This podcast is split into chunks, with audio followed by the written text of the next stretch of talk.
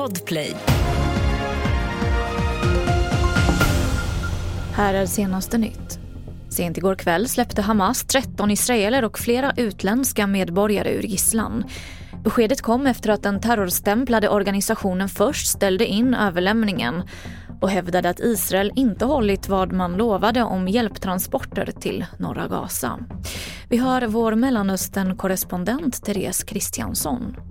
Det är ju mycket svårt att veta exakt vad som händer inne i Gaza eftersom vi internationella journalister inte släpps in utan vi får ju försöka samla information.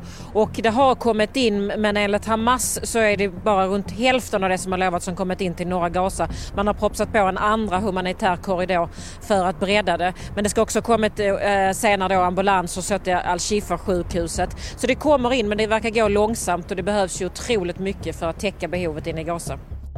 Så till Malmö där ett flerfamiljshus i stadsdelen Kirseberg besköts igår kväll. Entrédörren träffades av flera skott. Det var flera personer som larmade polisen om höga smällar. Ingen person har kommit till skada och polisen utreder ärendet som grovt vapenbrott. Det finns inga uppgifter om gripna. Och till sist till en ny forskning som visar vad som kan vara orsaken till att vissa får huvudvärk av rödvin. För nu har en forskargrupp vid ett universitet i Kalifornien kommit fram till att det beror på antioxidanten quercetin. Studien är publicerad i Scientific Reports, skriver Aftonbladet. Mer nyheter på tv4.se. Jag heter Emily Olsson.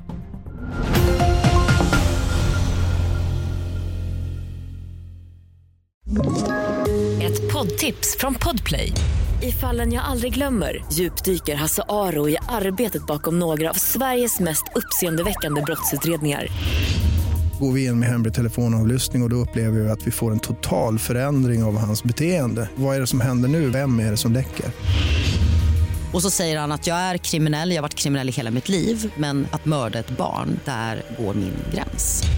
Nya säsongen av Fallen jag aldrig glömmer på Podplay.